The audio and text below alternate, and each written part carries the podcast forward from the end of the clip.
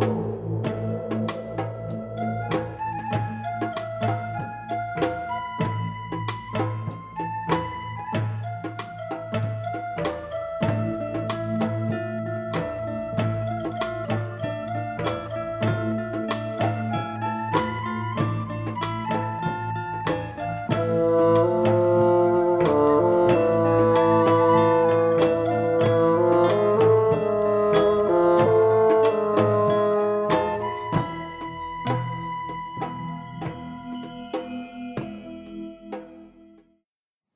שלום לכם, חברים וחברות, שוב אני זכיתי להימצא פה עם כבוד הרב לייטמן, אהלן. שלום. כדי לעבור על פרשת השבוע, והשבוע יוצא לנו להכיר אה, יהודי גדול, אולי אפילו עוד לא יהודי, בואו בוא נברר מיהו. אני מתכוון כמובן לאברהם, הידוע בכינויו אברהם אבינו, mm-hmm. ולפרשת לך לך, שמתחילה כך.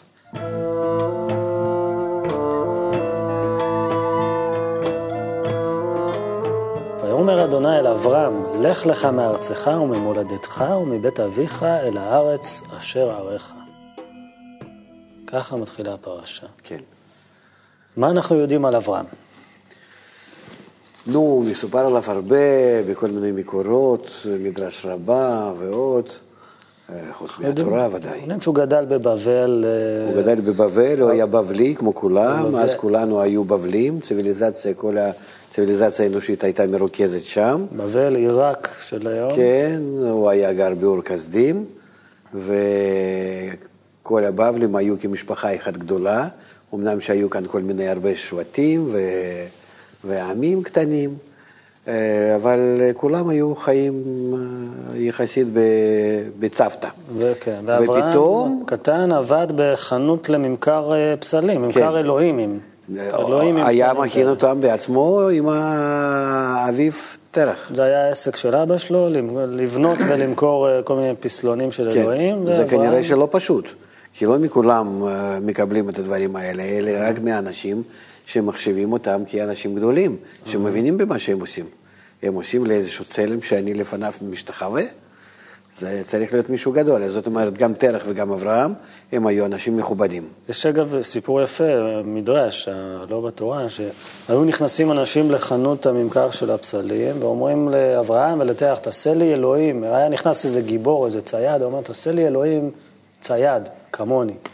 הייתה נכנסת אישה, הייתה אומרת, תעשה לי אלוהים יפה, כמוני. כאילו, כל אחד רצה להאדיר איזו תכונה אלוקית ש, שבו... כן, רצה לראות את עצמו כאלוקים. רצה להתפלל לעצמו בעצם. נכון. זה, זה, זה לא נכון כאן, ועכשיו אצלנו, גם כך אנחנו. כשאנחנו מתפללים למראה בעצם, מסתכלים במראה, אומרים, וואו, איזה גדול אתה, איזה ודאי. יפה אתה. האדם מרגיש את עצמו כי הוא היותר גדול מכולם, הוא עושה מעצמו האלוקים. אין יותר גדול ממני. מי, מי, מי הכי חשוב בעולם, אם לא אני לעצמי? אהבה עצמית זה תכונה טובה או לא טובה לשיטתך? אהבה עצמית זה תכונה, אם היא מכוונת את האדם לנצל את האחרים לטובת עצמו, זה ודאי שרע. Mm-hmm. אבל אם היא מובילה את האדם להשתמש בכל התכונות שלו כדי, כדי להשפיע על זולת ולהגיע לזה, על ידי זה לקרבה לאלוקים, אז זה דבר טוב. זאת אומרת, okay. הכל תלוי בצורה, בשימוש ובמטרה. אז אברהם היה באמת אחד מהבבלים, היה עובד עבודה זרה עם התרך, עם האבא שלו, היה מאוד מכובד בין כל הבבלים, והיה כהן. ומה שכן היה מעניין בזמנו, שפתאום כל הבבלים האלה התחילו להרגיש שהם מתחילים לשנוא זה את זה במקום לאהוב. רצו לבנות מ... מגדל מהשמיים. סיפור מגדל בבל? כן, עד השמיים דווקא. זאת אומרת, אנחנו מנצלים את הכל, אנחנו מעל הטבע. זה אחד, ושני, מפני שבכל אחד פרח האגו, אז הפסיקו להבין זה את זה. כל אחד חושב רק על עצמו, לא על אחרים, זה נקרא שלא מבינים זה את זה. בזה התחילו להתקדם הלאה. ראה את זה אברהם, והתחיל לחקור את התופעה הזאת. לא הבין מאיפה זה בא, עד שהתגלה לו שהאגו שמתגדל בתוך האדם זה דבר טבעי, וכך צריך להיות, כי על ידו על ידי הכרת האגו כרע, האדם מגיע אחר כך להתעלות מעל האגו לדרגת האלוקים. וזאת המטרה של כל ההתפתחות האנושית. אז זה כל, כל מדרגה בהתפתחות האנושית, זה האדם צומח על ידי האגו, באיזשהו שלב האגו אה, מביא אותו למקומות לא טובים, כן, ואז הוא... מכיר בזה שזה רע, ו... ומתעלה מעליו, ורוכש חוז... דרגה רוחנית. חוזר חלילה. ושוב האגו גודל, ושוב אדם מכיר אותו כרע ומתעלה מעליו, וכך כל פעם וכל פעם זה חוזר. אז מה קרה אברהם על ידי זה שהתחיל להתעסק עם האגו שלו? הוא התעלה מעליו, השיג את האלוקות ואת התוכנה הזאת של כללות העולם, לאן העולם עובר, ודרך מה הוא עובר ולאיזה מטרה הוא צריך להגיע, והתחיל לספר על דברים האלה לבבלים, לפרסם את החוכמה הזאת. הוא קרא לחוכמה הזאת חוכמת הקבלה. כי מילה קבלה, איך להשתמש נכון בכוח המקבל שלנו, בכוח הרצון שלנו לקבל. נהוג לחשוב שאברהם הוא אבי המונותואיזם, הוא אבי התפיסה שהכל אחד, הכל באחדות, נכון, פשוטה. כי לזה מגיע בעצם השיטה הזאת. השיטה הזאת באה כדי להכיר לנו כוח אחד, הטבע, או האלוקים, שזה אותו דבר. בגימטריה זה אותו דבר, טבע ולא רק בגימטריה, אם אתה מדבר על חוקי הטבע או מצוות האלוקים, זה אותו דבר. זה פשוט מדע, mm-hmm. חוכמת הקבלה זה מדע שמסביר לנו איך בנוי כל המציאות. מצוות האלוקים במובן הזה זה איך שהעולם עובד. נכון. זה חוקי הטבע, איך נכון. שהעולם צריך לעבוד. כן. Okay. אוקיי. וכשהוא הכיר את זה, הוא התחיל ללמד את זה, כתוב במדרש רבה, זה מדרש שגם כן נכתב קרוב לאותם זמנים. שהוא פתח את האוהל, כתוב בתורה שהוא פתח את האוהל והתחיל להזמין עליו עוברים ושבים, והתחיל לספר להם שיש אלוקים, ושצריכים להיות באחדות ובאהבה ובהשפעה זה לזה, וגם כן שרה אשתו אה, כך אה, פתחה את המקום לנשים, והתקבצו סביבם כמה, כמה אנשים, קבוצה, קבוצת נשים, קבוצת גברים. וזאת הייתה הקבוצה הראשונה בלימוד חומת קבלה. הוא היה המקובל הראשון. זאת אומרת, גם נוח וגם אדם הראשון וגם עשרים דורות מאדם עד אברהם היו מקובלים, והם כולם אה, מספרים בתורה, מי הם. אבל אה, אברהם הוא היה החוקר הראשון, הוא היה המקובל שהבין את יסוד הבריאה והתחיל ללמד איך להשתמש בו. לכן הוא המייסד חוכמת הקבלה. בכל אופן, בבבל... לכן הוא נקרא אבינו, כי בעצם הוא נתן לכל האנושות שיטה איך להגיע לאלוקות.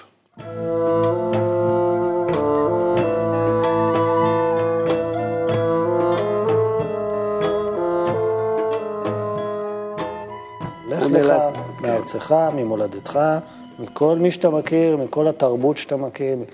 המשפחה שלך, מהפרנסה הקבועה שלך, כן. לך לך אל הלא הידוע. זה מה שהוא... אל ארץ אשר רגע. מה זאת אומרת? תעזוב את הרצון שלך מארצך, מרצון שהיית קודם, לרצון שאני אראה לך. זאת אומרת, תעלה משימוש ברצונות שלך, איפה שאתה עכשיו נמצא, לרצונ, לרצונות כאלו, לשימוש כזה בטבע שלך, ברצונות שלך, שאני אלמד אותך. זה בעצם אומרים לאדם, תעלה ממקום הזה למקום שנקרא ארץ ישראל.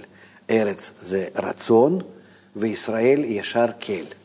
זאת אומרת שכל הרצונות שלך יהיו, מוכוונים איך להגיע לדרגת האלוקות. כי זה בעצם שיא, פסגת התפתחות האדם. אז לכל בן אדם יש בעצם תקופה כזאת של לך לך, שהוא יוצא כן. לגלות מהמקום שהוא מכיר טוב, הוא מוכר לו, והוא מחפש דרך חדשה, מקום חדש. זה הכרחי, אתה אומר, כדי, כדי לצבור, כדי לקבל השקפת עולם חדשה, אתה חייב לנתק את עצמך מהמקום הקיים. אנחנו רואים מה שקורה היום בעולם. כולם נמצאים בפרשת דרכים, כולם לא יודעים מה קורה, על ידי מה יכולים להינצל מכל הבלגן ובעיות, כן? מי הכוח, איזה הכוחות שפועלים עלינו, איך אנחנו יכולים ל, ל, ל, לקבל אותם ולכוון אותם נכון, אף אחד לא יודע. ואז מה שהיה אז בבבל גם כן. רק בבבלים הייתה עוד תקווה שהם יכולים להגיע לדברים הטובים על ידי אגו, אנחנו עכשיו נבנה ונתפתח, והם רצו את ההתפתחות הזאת. אנחנו, אחרי אלפי שנים נמצאים היום בסוף ההתפתחות הזאת של הבבלים. אנחנו אותה ציוויליזציה הבבלית הקטנה. התקדמנו מאז אה, שהיינו בבלים קטנים. אבל קטנים. למה התקדמנו? התקדמנו להשיג שכל ההתפתחות הזאת מביאה אותנו לכישלון. אז למה לא נשארנו שם בבבל? אם כל ההתקדמות שלנו הייתה בשביל להבין שלא התקדמנו. תגיד על עצמך, איך אפשר? אני לא יודע. על זה כתוב אין חכם כבעל ניסיון. אי אפשר. שמה? אין אדם עומד על דבר מצווה, אלא אם כן נכשל בה. מצווה זה נקרא לקיים חוק הטבע. אז מה, מה הלך לך האישי שלך? איזה, איזה מסע אתה עברת?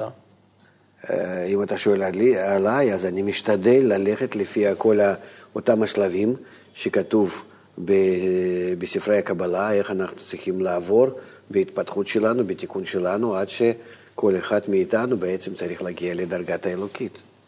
אנחנו צריכים להגיע לדבקות בבורא, זאת אומרת לאותה דרגת ההתפתחות, כמו שהכוח הגדול הכללי של הטבע. אבל אתה גם ניתקת את עצמך פיזית, עלית מרוסיה, באת לפה, כן. פיזית שינית את המקום, שינית את תנאי הסביבה שלך, ודאי. כדי שתוכל לפתוח דרך חדשה, כדי שתוכל לקבל תפיסה חדשה, השגה חדשה של המציאות. כן, טוב, אני הייתי ברוסיה, עוד לא יודע לאן אני הולך ומתפתח. הייתי רוצה לגלות רק סוד החיים, ולשם זה הלכתי למקצוע שלי הראשון, ביוקיברנטיקה. ראיתי אחר כך שבמדע הזה אי אפשר להגיע להבנת המציאות. בשביל מה אני חי? מה יש בזה? ולכן... אז, אז אולי אותן שאלות שמנקרות בך. כן, כן, גם כן, נקרו באברהם אבינו ואמר, אני חייב לצאת מפה, לברר מה, מה קורה בעולם. נכון, נכון, וזה מה שנתקעים בזה הרבה אנשים. עד שבסופו של דבר האדם מתגלגל לבירור, ואם הוא מברר שאין לו בעולם הזה איפה למצוא תשובה, כי אנחנו רואים שהכל נמצא במשבר, ואין לי לאן לפנות. אני מרגיש, לא עברתי כל המקומות שבעולם, ולא הלכתי לכל השיטות, ולכל החכמים למיניהם שאומרים שיש להם פתרון. אבל הרגשתי שאין לי בעולם הזה משהו לחפש, אני חייב למצוא משהו מלמעלה מזה, אני צריך משהו ש, שמגיע ממהות החיים. ועד שהגעתי לחומת הכוונה. אז למה גם אתה וגם אברהם באים לארץ כנען, לפה? למה דווקא לפה? למה לך לך לפה? למה לא הולך לך כותב לנו בעל הסולם. שווייץ, כן. כותב לנו בעל הסולם שמי שמרגיש נטייה לרוחניות, יש לו משיכה לארץ ישראל. ולכן... מה מיוחד במקום הפיזי פה? כאן? ב... כן. כאן פועל, פועל עלינו כוח המיוחד, שהוא הכוח הרוחני. אגב, בנקודת הזמן הזאת זה ארץ כנען, זה עוד לא ארץ ישראל. כן, נכון. מה, מה המשמעות? המשמעות ה... שאנחנו לא יכולים לקדש אותה, כי אנחנו לא קדושים. קדושים נקרא, קדוש זה נקרא המשפיע, הנותן, האוהב. תכונת ההשפעה זה תכונת האהבה, היא, היא בעצם הקודש. Mm-hmm. זה תכונת הבורא. ואם אנחנו נגיע לזה ברצונות שלנו, אז רצון להשפיע זה נקרא ארץ הקודש. אם בכל אחד ואחד מאיתנו יהיה רצון להשפיע ארץ הקודש, אז אנחנו נמשוך למקום הזה, איפה אנחנו נמצאים כאן, את השורש שלו, שהוא ישפיע על כולנו, ואז אנחנו נהיה בשלמות ובביטחון ובשגשוג ובשלום עם עצמנו ועם שכנים והכול. רצון הכל להשפיע. הכל תלוי בתיקון שלנו. אז מה שאמר אברהם, וזה באמת תכונת החסד שלו, mm-hmm. הוא אמר צריכים לאהוב זה את זה, להשפיע זה לזה, ואז על, על ידי זה יהיה תיקון לכל אחד מאיתנו, ואז על ידי זה אנחנו כל הזמן נעלה. למה כל הזמן נעלה? האגו שלנו הוא כל הזמן יגדל, זה חוק הטבע. והוא יגדל מהעולם הזה עד הרמה האלוקית, האגו יגדל. אבל אני כל הזמן אגדל מעליו. הוא גודל ואני גודל, הוא גודל ואני גודל. וכך בצורה כזאת אנחנו נגדל. אתה יכול להגיד שלפני, אה, נגיד אברהם, אפשר לתארך אותו לפני 5,000 שנה, האגו של האנשים היה נמוך יותר מהאגו שלהם? מאוד קטן. מספרים לנו מקובלים שהעולם הוא מחולק לששת אלפים שנה, מאדם עד גמר התיקון. כן? ותוך ששת אלפים שנה האגו כל הזמן, כל הזמן גודל, ואנחנו בעצם, אם לא עולים עליו, אם לא מתקנים שימוש שלו, אז אנחנו כל הזמן, כל הזמן מפגרים כאילו אחרי תיקון, ולכן כל הזמן חוטפים מכות. אבל האגו כל הזמן גודל, זה כשעון, הוא לא, לא עוצר. אז אברהם מבין את זה, אולי לא, אולי כרגע מבין באינסטינקט. הוא, הוא גילה את זה איך שהוא כתב ספר יצירה, הוא מסביר שם מערכת בצורה מאוד מאוד גבוהה, ממש במקום שנקרא עולם האצילות, ששם זה באמת כל המערכת ההנהגה וההשגחה עלינו. זאת אומרת, הגילוי שלו זה גילוי גדול מאוד.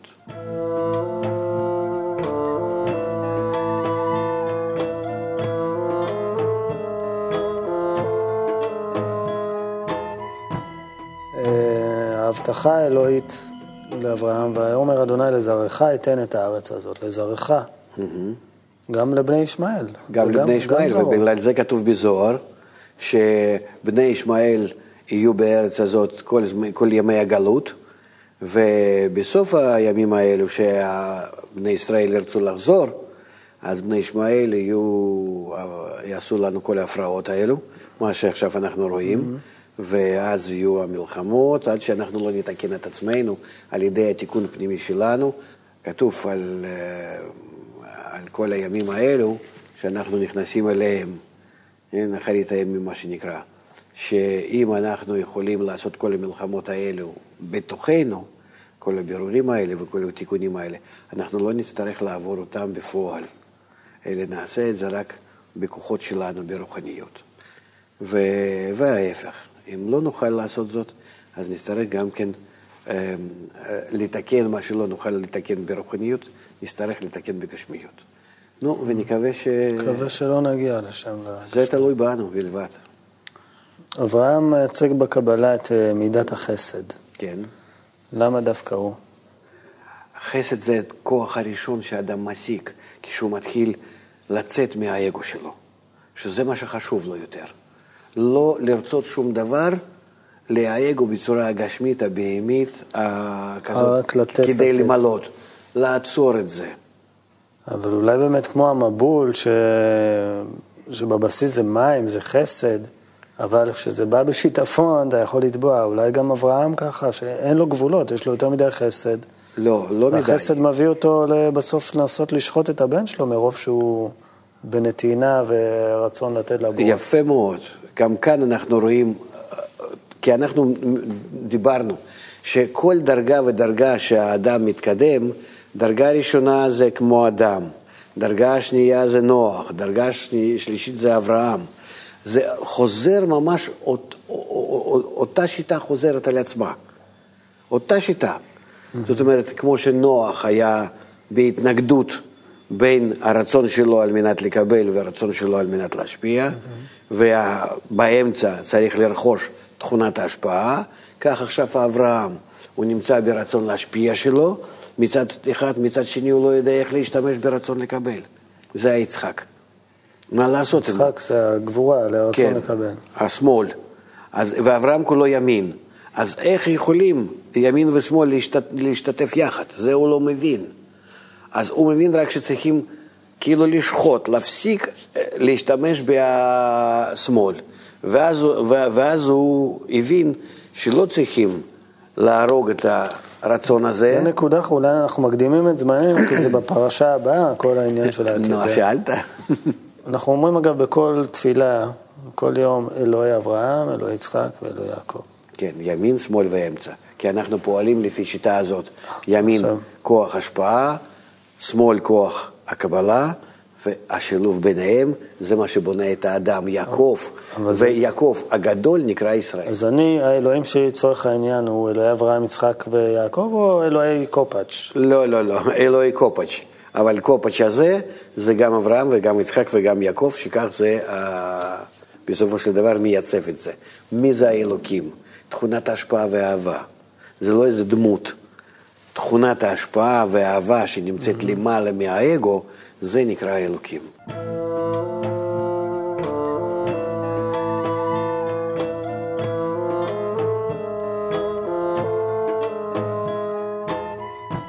אברהם יצא, הגיע לארץ כנען, יחד עם לוט. לוט הוא אחיין שלו, שהוא כן. מוצא את מקומו בסדום דווקא. כן. בסדום שאנשיה רעים וחטאים מאוד, לוט מרגיש בבית. כן, ואברהם לא.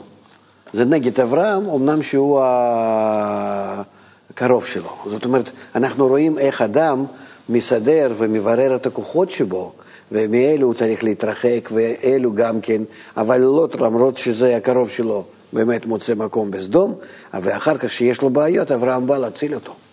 ומנהל שם גם איזה מלחמת עולם קטנה, יש להם... כן, כן, כן. עם מלכים, אה, עם שמות משונים, כמו קדרלעומר, תדעל. כן, כן, כל כן. מיני אבל. ואחר כך, כש, כששוב כאילו מציל אותו ולזמן מה מתחבר עמו, נעשה ריב בין אה, רועי מקנה אברהם ורועי מקנה לוט, כן? בין הרועים שלהם. זאת אומרת שהכוחות האלה בכל זאת לא יכולים להיות יחד. ואז אברהם אומר, אם אתה ימינה אני שמאלה, אם אתה שמאלה אני ימינה, אנחנו חייבים להיפרד. פה, מתחיל פה איזה תהליך אה, ברירה, של כן. ס, מין סלקציה כזאת, שאברהם לפה, לוט לפה, ואחרי זה יצחק לפה, עשו לפה, ויעקב לפה. גיל, אתה לא תאמין, כל השלבים האלו, האדם עובר בתוך עצמו. כל אחד ואחד זאת אומרת, גם מאיתנו, בתוכי יש לוט ואנשי סדום, כל הכוחות. ואתה אחר כך, כשאתה תקרא את התורה מתוך עצמך, לא מהספר, אתה תגלה מה שכתוב בלי לראות מה שכתוב. כתוב כך, כתוב אה, ספר תורה על ליבך, כן, על, על, ה- על הלב שלך. זה באמת כך, הלב זה נקרא כל הרצונות של האדם. כשאדם מאבד את כל הרצונות האלה, כדי להגיע על, על ידי שימוש הנכון לדרגת האלוקית, אלוקות ממש, הוא עובר כל השלבים האלו, אבל בצורה מהירה מאוד. נראה לנו שזה כל כך הרבה וכל כך זה. זה קורה בצורה מהירה, נפלאה, תוך כמה שנים, ואתה כבר גמרת את כל העלייה הזאת מהעולם הזה עד פסגת ה... אה, במהרה בימינו.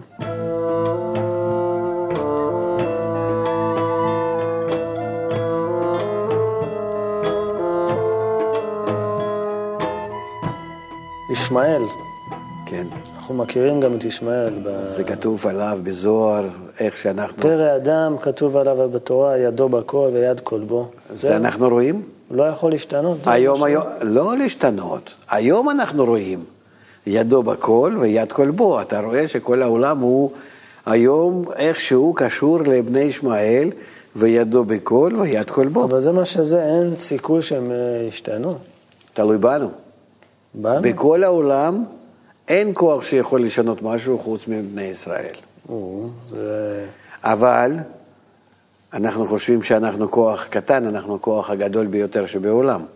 חוץ מזה, אל, תיקח, אל, אל תשכח שיש היום, חוץ מהבני ישראל, שאתה אומר שם 15 מיליון אנשים, חוץ מזה שבהם יש כוח הרוחני שהוא הרבה יותר כמו מניצוץ קטן, נברא כל היקום וכל העולם שלנו, יש בנו כוח עוד יותר גדול שברא את הכל הזה.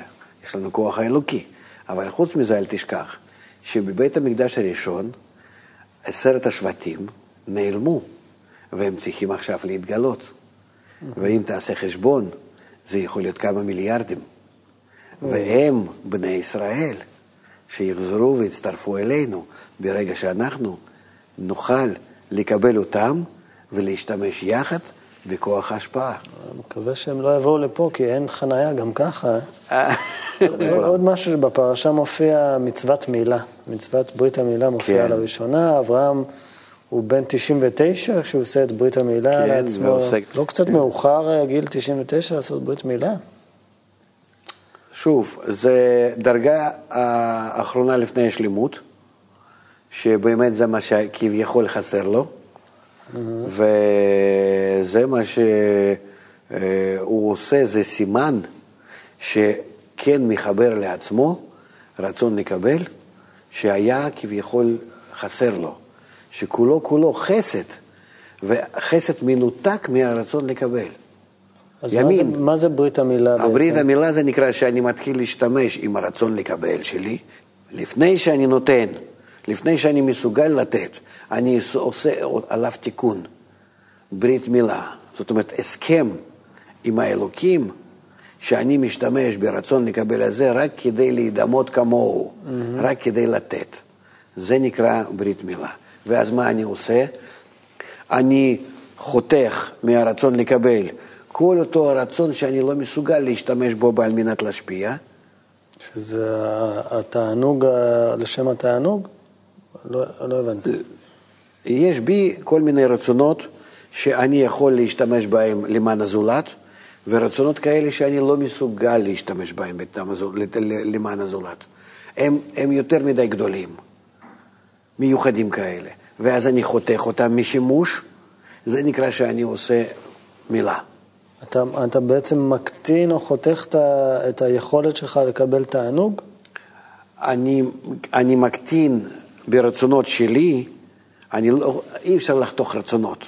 אנחנו מדברים לא בפיזיולוגיה שלנו, כן? לא בגוף. אבל אפשר, נגיד, אם ילד דוחף אצבע לשקע ומקבל אה, זרם חשמלי, כן. הוא כבר לא ידחוף את האצבע לשקע. זה אולי הטראומה שעושים כשחותכים לנו שם. לא, לא.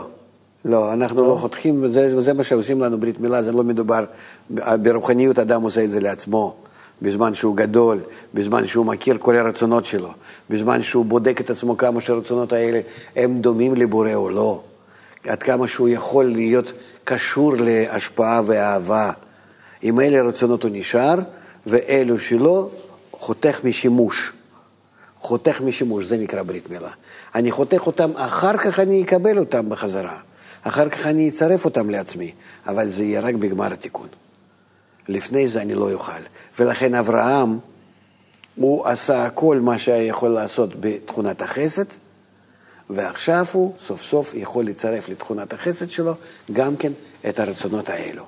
ולכן עושה ברית מילה, לכן אתה שואל איך זה בגיל 99, כי זה תכונת החסד שלו, שהכל בו חסד, חוץ מאחוז אחד נגיד. Mm-hmm.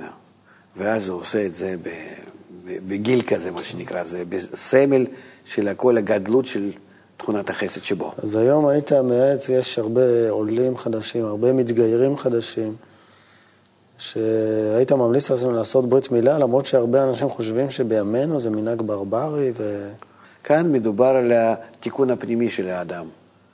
וכתוצאה מזה חיצונית שעושים ישמעאלים, גם mm-hmm. כן, שעושים אפילו סתם בני אדם שבעולם. זה, אנחנו מדברים כאן אך ורק איך אדם משתמש עם הרצונות שלו, וברית מילה הזאת, הכוונה ברית עם הבורא, שהוא משתמש ברצונות שלו אך ורק בלהשפיע, כמו שהבורא, בדוגמה לבורא. לכן זה נקרא ברית. אז למה אגב, אה, יש בתרבויות אה, מוסלמיות, אפריקאיות, יש מילת נשים. למה למילת נשים אנחנו מתייחסים בזעזוע? ולמילת גברים אנחנו, נראה לנו נחמד ומקובל. כי תיקון אישה, הרצון לקבל שבאדם שנקרא אישה, הוא בלצרף אותה לרצון להשפיע של הגבר שנקרא גבר, ובזה התיקון שלהם. ולא שאישה צריכה איזה תיקונים. חוץ מזה אנחנו נלמד אולי, או נדבר על זה במשך הזמן, מה התיקונים של אישה. זהו, שזה מקווה, וקודם כל חופה, וקידושין, ומקווה, וכל הדברים האלה, מה הם מסמלים לנו ברוחניות. שבזה זה נובע. אין מנהג בישראל שלא נובע מהחוקים רוחניים.